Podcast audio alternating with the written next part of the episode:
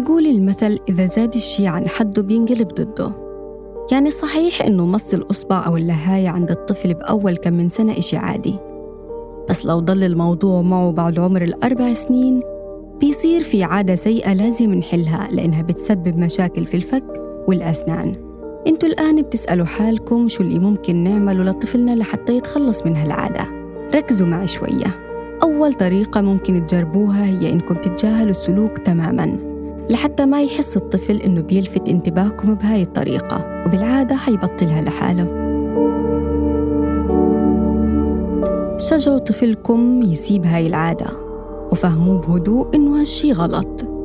وإذا كان الطفل بيمص إصبعه لأنه قلقان وتعبان حاولوا تساعدوه إنه يرخي أعصابه واحضنوه واحكوا معه.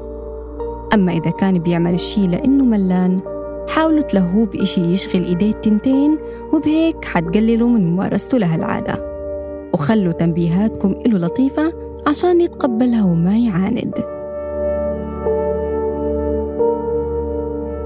إحنا دايما بنقول اللي لازم تعملوه عشان نحل المشكلة. بس هالمرة حنحكي كمان عن اللي لازم تتجنبوه وإنتوا بتساعدوا ابنكم ليتخلص من هاي العادة.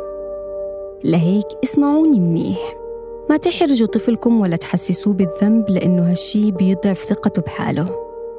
وما تنعتوه بجمل زي أنت مش منيح أو كون ابن شاطر لأنها بتخليه ينتكس أكتر بدل ما تشجعه إنه يبطل يمص إصبعه.